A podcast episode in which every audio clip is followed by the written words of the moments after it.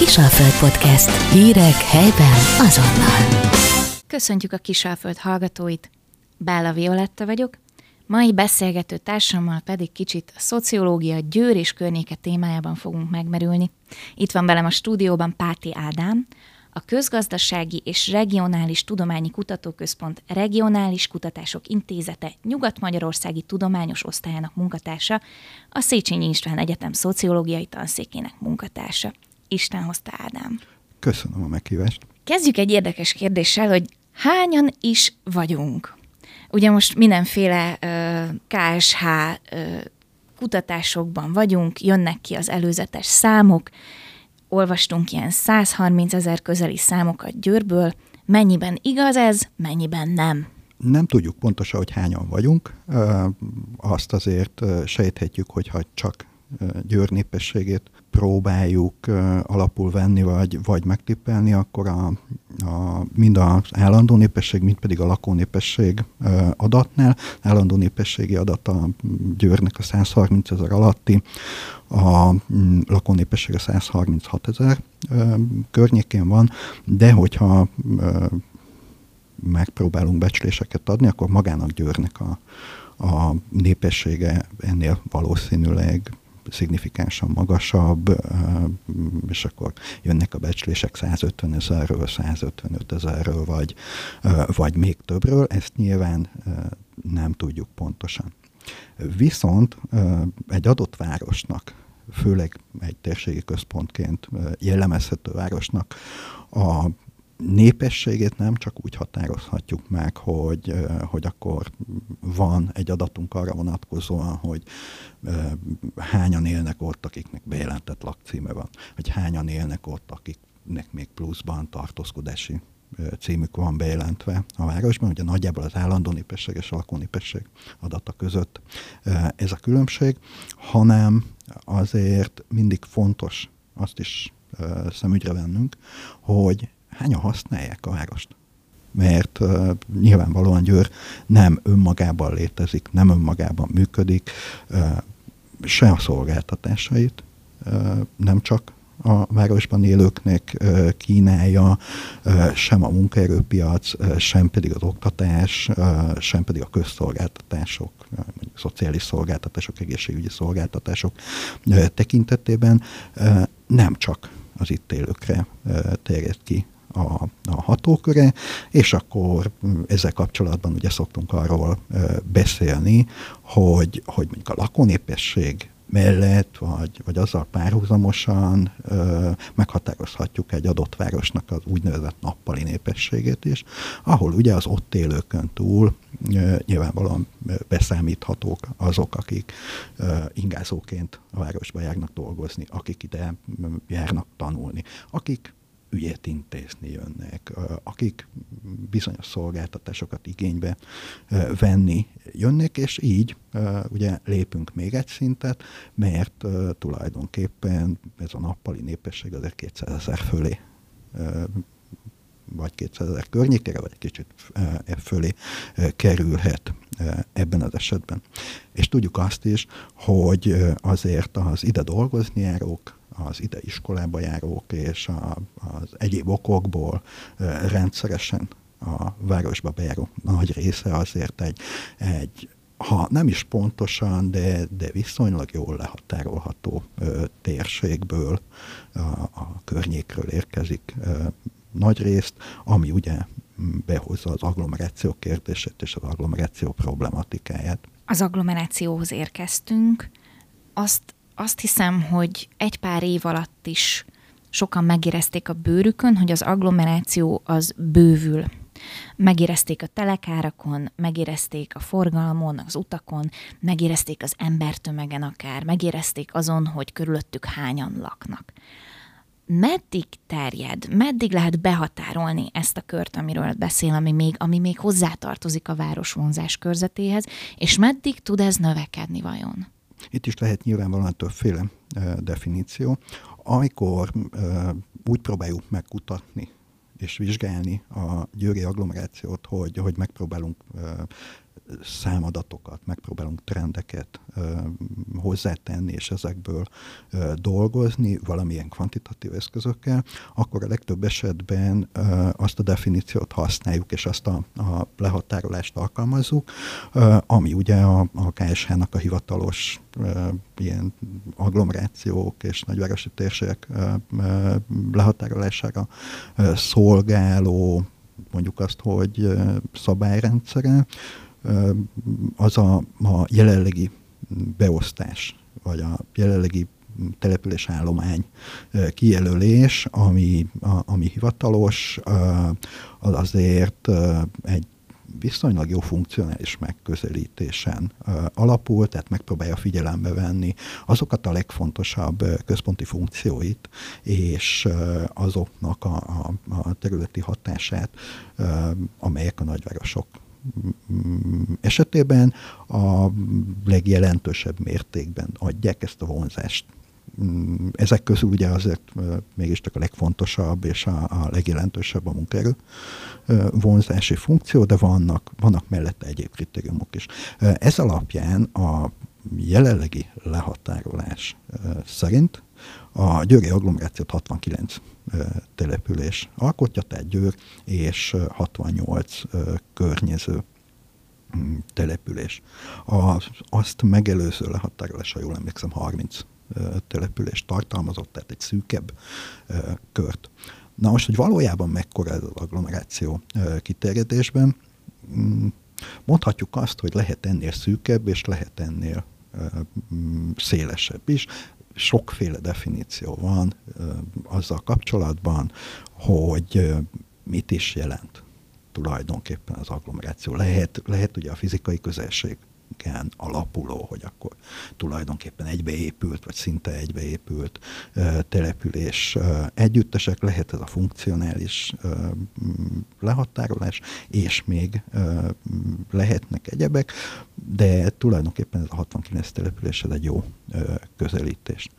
Viszont azt mindenképpen el kell mondani, hogy az agglomerációkat azért nem úgy kell elképzelni, hogy, hogy ilyen, ilyen teljesen egységes és kompakt, homogén szövetként.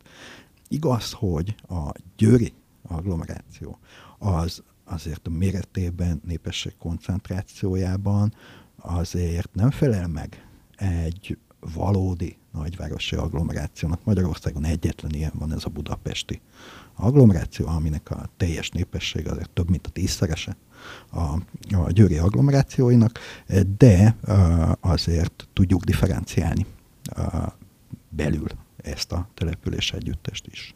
69 települést említett, de hogyha végig gondolom a településeket magam elé képzelve Győrt, akkor azért nagyon más az élete, a domborzata, a győrhöz közeli elérhetősége, egy, egy nagy szentpálnak, egy győrszemerének, egy ravazdnak.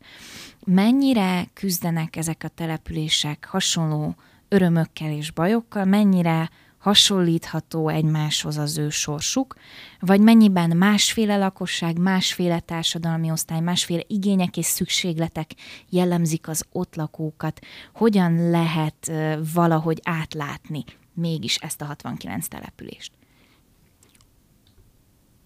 Alapvetően, alapvetően két olyan felosztási még, még mindig egy kicsit teoretikusan gondolkodva, két olyan felosztási szisztémánk van a, az agglomerációkra, amiket azért együtt is szoktunk alkalmazni. Az egyik ugye a szektorokra való felosztás, tehát hogy, hogy milyen irányba terjeszkedik az agglomeráció. Ugye ez azért általában úgy működik, hogy követi a közlekedési infrastruktúrát, vagy pedig követi ugye a földrajzi, természeti környezetet, tehát Nyilvánvalóan, ahol a közlekedési hálózatok jobban ki vannak épülve, ahol fő közlekedési útvonalak vannak, ott ugye egyszerűbb, meg gyorsabb az agglomerációk terjeszkedése, tehát ez ilyen irányokat alakít ki, illetve van a másik, amikor egyfajta ilyen kicsit ilyen koncentrikus körökre osztható agglomerációs sémát használunk, ezek pedig az övezetek. Nyilvánvalóan, ahogy haladunk kifelé, és távolodunk a központtól, annál inkább, egyrészt annál inkább gyengül a központ hatása, tehát minden agglomerációnak vannak ilyen átmeneti övezetei, ahol már más központok is szerepet játszanak, ahol már nem jellemző az, hogy mondjuk a, a helyben lakó munkaerőnek a 80%-a a központba ingezik, és ez a szektoros, illetve az övezetes felosztása valamilyen értelemben és valamilyen tekintetben megfigyelhető Győr esetében is. Mit jelent ez mondjuk a társadalmi rétegződés szempontjából? Általában ugye azt, hogy ahogy haladunk kifelé, egyrészt ugye beszélhetünk arról, hogy a népesség összetétele a, az adott településeken az változik abból a szempontból, hogy nyilvánvalóan a központból kiköltözők aránya az főleg az agglomeráció fejlődésnek az első ütemében, az nyilvánvalóan a, a közel elhelyezkedő településeken lesz magasabb, és ahogy megyünk, ahogy megyünk kifelé, egyre alacsonyabb. Hogyha megnézzük ezt mondjuk társadalmi státusz szempontjából, akkor is láthatunk egy ilyen, hát mondjuk azt, hogy lejtőt, tehát, hogyha a közeli településeket nézzük meg modellszerűen, akkor azért a, a leginkább magas végzettséggel rendelkező, magasabb jövedelemmel rendelkező kiköltözőket a belső vezetben találjuk, és mind a iskolázottság, mind a foglalkozási státusz ö, szempontjából ö, tényleg azt láthatjuk, hogy, hogy kifelé azért valamiféle, valamiféle csökkenés mutatkozik, vagy, vagy az, az alacsonyabb státuszú népességnek a, a nagyobb részaránya, de nyilvánvalóan ezt azért keresztbe húzza valahogy az, hogy tényleg vannak terjeszkedési irányok Ugye a, a győri agglomeráció esetében is megvoltak és megvannak ezek a terjeszkedési irányok. A legkorábbi ez a, a mm, Egyes útnak és a, a, a Sopron felé vezető útnak az irányat a 80-as években már növekedett a, a település, öttevény, abda, ikrény, énese, aztán a 90-es évek közepétől becsatlakozik a szigetközi irányelvben, aztán pedig a, a, a déli irány. Tehát azt, hogy milyen különbségek és milyen eltérések vannak a, a települések között, azt egyrészt meghatározza azt, hogy hát fogalmazunk úgy, hogy milyen tömegben zúdultak rá a kiköltözők ezekre a településekre, Másrészt meghatározza az is, hogy főleg, hogyha leszámítjuk a közeli településeket, hogy, hogy azért ezeknek a településeknek a, a jellege, a képe és a mondjuk azt, hogy funkciója milyen volt, mielőtt megindult volna a, a kiköltözés. Tehát, hogy egy amúgy is már korábban előregedő, fogyó kisebb településről beszélünk, vagy pedig, vagy pedig egy, egy, egy stagnáló népesség, de gazdaságilag azért, azért valahogy működő településről. Tehát ez, ez meghatároz sok mindent. Kiköltöző, ezt a fogalmat használtuk most többször is. Ez az iránya valahogy a, a népességnek, hogy előbb jön győrbe munkatanulás bármi egyéb szempontból, majd amikor itt talán megtalálta a számítását, akkor költözik egyel kintebbi szekcióba? Hát nem törvényszerű, hogy költözik, de, de ez is egy uh, útja a dolgoknak.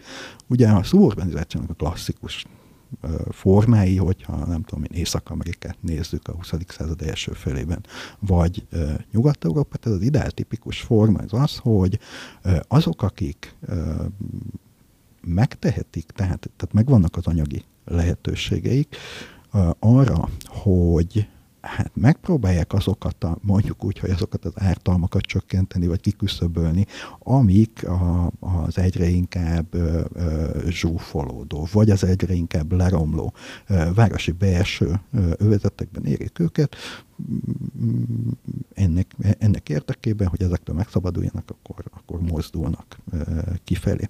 Kicsit más a helyzet meg más volt a helyzet Kelet-Közép-Európában, és Magyarországon nálunk azért ez a szóorganizáció egy furcsa dolog volt, vagy egy kettős dolog volt, hogyha mondjuk Budapest, tehát a budapesti agglomerációt megnézzük, a budapesti agglomeráció jelentős mértékben kívülről épült fel.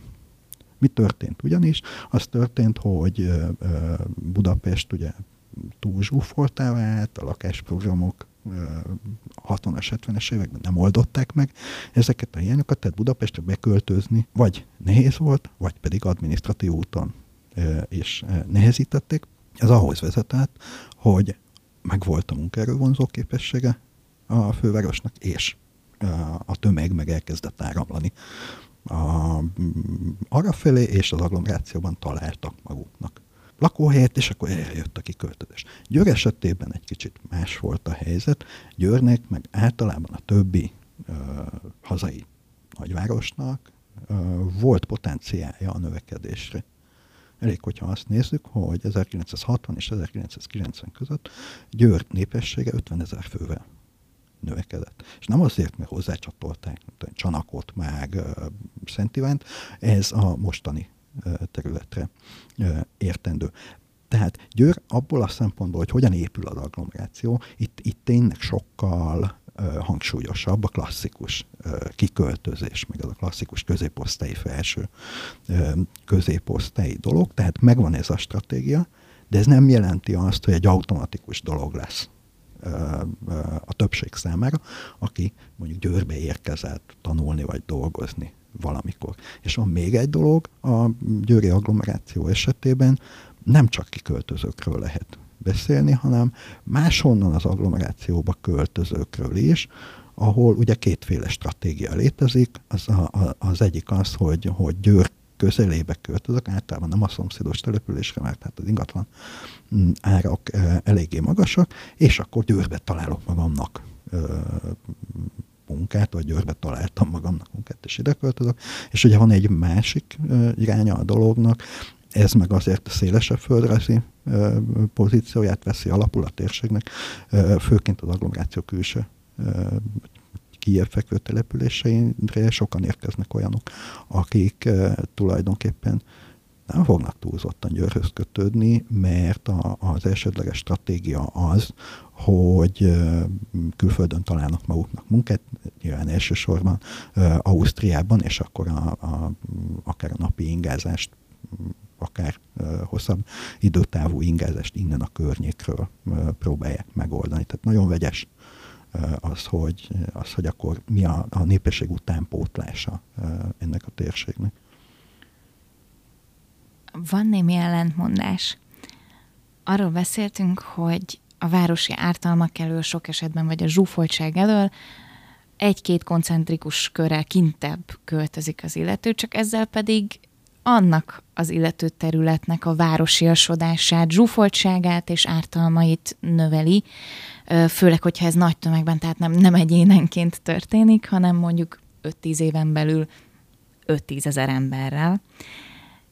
És akkor pedig ezt mondhatjuk joggal, az ottani addigi helyi lakosság éli meg egy idegen jelenségként, hogy ő egy, egy falusiasabb, egy zöldebb, egy nyugodtabb környezetben élt mondjuk mióta az eszét tudja, és van benne egy gyászfolyamat, hogy ho hát ez itt már szinte győr, hát elvárosiasodik a környék, hát már nem köszönnek az utcán, hát már mások a jellemző problémák, vagy a szolgáltatások, vagy az infrastruktúra.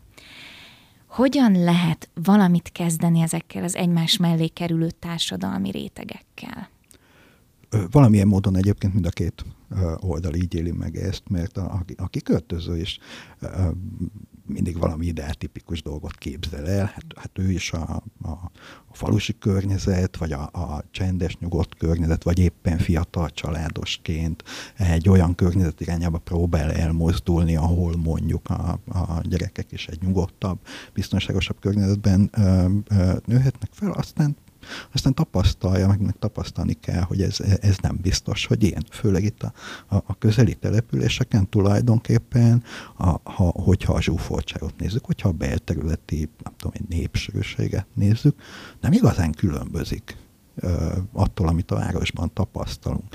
Egy lakótelepen, így Győrben az elérhető, vagy akár egy lakosra jutó zöld terület, az jóval több, mint mondjuk, mondjuk hogyha Győr új falut néznénk. És igen, ott van mellette, ott van mellette az is, hogy akkor, hogy akkor bejönnek ezek a mondjuk úgy, hogy őslakos beköltöző ö, konfliktusok. Ez is az ideáltípushoz tartozik, a kiköltöző ö, ö, várakozásaihoz, hogy egy, egy kicsit akkor, akkor nem tudom én, ilyen skanzennek tekintjük valamilyen értelemben a, a, az agglomerációs települést, ahova kiköltözünk, vannak állatok, meg az, az, az, az mégiscsak jó dolog, meg természet közeli, de az állatok azok nem hangosak és nem büdösek. Vannak flexek, meg motorfűrészek, de, de hangtompítóval, és csak akkor használják őket, amikor, amikor ők éppen dolgoznak benne a városban. A valóság nem ilyen. És sok konfliktus forrás van nyilvánvalóan. Az egyik, és ez a, a legéletközelibb, az a, magának az életvitelnek, magának a mindennapi tevékenységrendszernek a, a, az eltéréseiből fakad, és, és ugye a felszínen a legtöbbször, a, a legtöbbször ezeket a konfliktusokat látjuk. Meg ezek tudnak a leglátványosabbak lenni, hogy nem tudom én, mennek a mennek a veszekedések azon, hogy miért flexel valaki vasárnap délután, hát így nőtt fel, hogy erről nem volt szó, hogy állatokat tart, vagy hát szó volt róla, csak, csak arról nem volt szó, hogy az ilyen, amikor a szomszédban valaki állatokat tart. Ezek ugye ilyen felszíni problémák, meg konfliktusok. Nyilvánvalóan van a konfliktusoknak egy következő szintje, ami nem a napi életvitelből, vagy nem elsősorban abból fakad, hanem abból fakad, hogy azért jelentős eltérés van, vagy viszonylag jelentős eltérés van tényleg a társadalmi státusz. A, a kiköltözők és a, a őslakosoknak a, nem tudom, a társadalmi struktúrája között, tehát itt, jövedelem, végzettség, stb. dolgokban, és nyilvánvalóan a, az eltérő társadalmi státusz eltérő igényekkel, eltérő szolgáltatási igényekkel, eltérő kulturális igényekkel jár, illetve valamennyire akaratlanul is, vagy, vagy belénk kódoltan, kicsit exkluzív jellegűek vagyunk, hogy hogy megpróbáljuk magunkat ahhoz a közekhez identifikálni, ami, ami a mi társadalmi státuszunknak megfelel. És nyilvánvalóan ez is okoz konfliktusokat, és nem csak konfliktusokat okoz, hanem, hanem egy olyan problémát okoz, hogy ezeken a településeken, amiknek tényleg eléggé gyorsan cserélődött ki, vagy változott meg a, a népesség szerkezete, a, a társadalmi kohézió pont emiatt hát a legtöbb esetben eléggé gyengének tekinthető. Van két kulcskifejezés, nyilvánvalóan az egyik a, a részvétel, a másik pedig az identitás. Ugye az egyik hozza magával a másikat, és uh, láthatjuk azért uh, itt a Győr környéki települések jelentős részében is azt, hogy, hogy a részvétel hiánya nem fog identitást építeni. Annyi minden fontosat hallottam, hogy azt se tudom hirtelen, melyikre reagáljak először. Identitás kérdése. Tudom, hogy amikor volt szerencsém Kenyában járni, ott iszonyatos törzsi villongásokat éltek meg, tudjuk jól, még idáig is eljutottak a hírek, hogy ezek akár véres dolgokig jutottak, és tudom, hogy amikor ilyen keresztény iskolákban jártunk, ott nagyon próbálták nekünk azt megmutatni, hogy hogyan próbáltak meg a mindenféle törzsi identitás helyébe egy közös, egy kenyai identitást ültetni. Egyáltalán nem biztos, hogy ez ide portálható modell. Hogyan lehet mégis valamiféle közös identitásra segíteni ezeket az embereket, akik úgy tűnik, hogy mind a két részről teljesen mindegy, hogy őshonos a településen vagy beköltöző, de mind a ketten némileg csalódottak, mert ez volt a másik refrén, amit kihallottam, hogy részben de mindenki csalódott egy kisé. Első, első megközelítésben nyilván azt tudom mondani, hogy azért mondjuk uh, Ikrényben egy kicsit uh, problémamentesebb a helyzet, mint Mombaszában, uh, de megvannak, megvannak, csak, csak más szinten ezek a, a konfliktus források. Az, hogy építeni, vagy, vagy, vagy, vagy felülről kialakítani mm, ilyet, talán nemzeti közösségek, vagy úgymond nemzetépítés címén megy. Települési identitás, meg helyi identitást így építeni nagyon nehéz, hogy, hogy, hogy, hogy elkezdjük pakolni. Miből fakadhat meg, meg mi alakíthat ki identitást? Nyilvánvalóan az, hogy akkor lesz, meg akkor, akkor alakul ki bennem mondjuk, mondjuk frissen beköltözőként, vagy kiköltözőként a, a, az identitás a, a, a településre vonatkozóan, hogyha tudom használni a települést, vagy használom a települést, illetve a másik oldalról pedig a, a település is tud használni engem. Lehet, hogy egy, lehet, hogy egy kicsit furcsa uh, megfogalmazás, de, de mindenképpen uh, az egyik dolog. Tehát az első dolog, az én használom a települést, az, az, az azt jelenti, hogy részt veszek az életében. Mégpedig úgy, ez tekinthető félig meddig ilyen passzív, vagy kívülről passzívnak látszó részvételnek is, hogy azért vannak olyan szolgáltatások, amiket ott veszek igénybe. A gyerekeimet megpróbálom a helyi iskolába járatni, és ehhez hasonló dolog. A, használ engem a település, az meg azt jelenti valamilyen szempontból, vagy abban írható le, hogy, hogy nyújtok neki valamit, ami már inkább mondjuk közéleti részvételt jelent. Azt jelenti, hogy, hogy, hogy mondjuk aktív tagja vagyok, nem tudom, helyi civil kezdeményezéseknek. Ha ez a két oldal megvan, ez képes identitást építeni. Nyilvánvalóan az, hogy a másik oldalról milyen a befogadás és milyen az elfogadás, az is egy fontos kérdés. Annak idején itt a Győri agglomerációban is, amikor végeztünk ilyen kutatásokat, hogy akkor hogy működnek ezek a viszonyok, mindig egy fontos kérdés volt, amit feltettünk a, az úgymond őslakosoknak, hogy mikortól számít egy adott településre kiköltöző, beköltöző valaki helyinek, nagyon változatosak voltak a válaszok. Mert nyilvánvalóan volt olyan válasz is, amikor azt mondták, hogy akkortól, amikor nem tudom én, a szomszédtól segítséget kér, vagy segít neki, az, az onnantól már beépül a közösségbe, és akkor volt a másik véglet, amit nagyon gyakran haladtunk, hogy onnantól fog helyinek számítani, hogyha már lesz valaki a helyi temetőben. És ugye a kettő között rengeteg, rengeteg lépcső, rengeteg fokozat, és rengeteg árnyalat van. Tehát nagyon két oldalú dolog. Van a, a beköltözők részéről egy motiváció, hogy, hogy meglegyen a részvétel, a őslakosok részéről meg egy, meg egy ilyen befogadási hajlam. És van, ahol ezek elcsúsznak egymás mellett, van, ahol meg találkoznak, azért vannak, vannak eltérő példák, nyilván itt az agglomerációban is milyen lehetőségei vannak, hogyha egy ilyen felülről nyújtott identitás az nem feltétlenül megy le mindenkinek a torkán.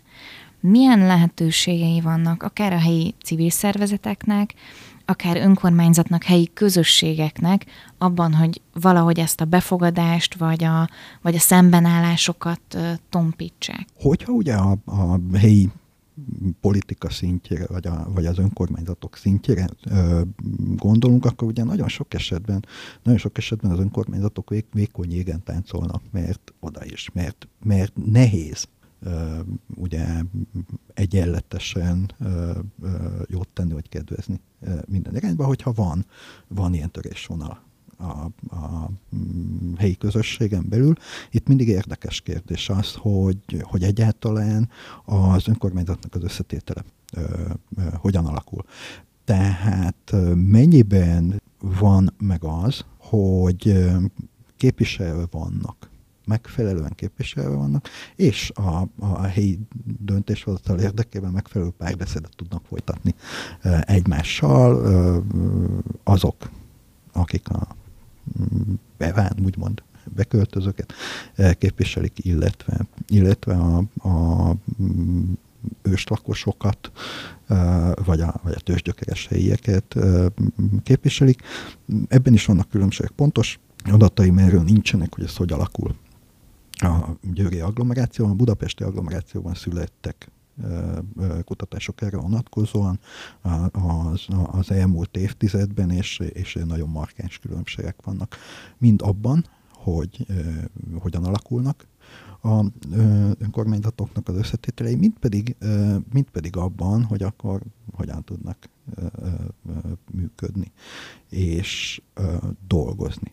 Nyilvánvalóan a civilek esetében, a civil szervezetek esetében meg, meg meg kell találni azokat a profilokat, meg kell találni azokat a felületeket, ahol össze lehet hozni a, a mondjuk azt a, a két oldalt, mert mert lesznek olyan, lesznek olyan tevékenységek, lesznek olyan célok, amik, amik meg így alapból kizárhatók, hogy akkor, hogy akkor meg fognak felelni a, a másik oldal számára. Nyilvánvalóan a, mondjuk a helyi tűzoltó egyesület az nem lesz nagy valószínűség szerint iszonyatosan vonzó közösségi platform a beköltözők számára.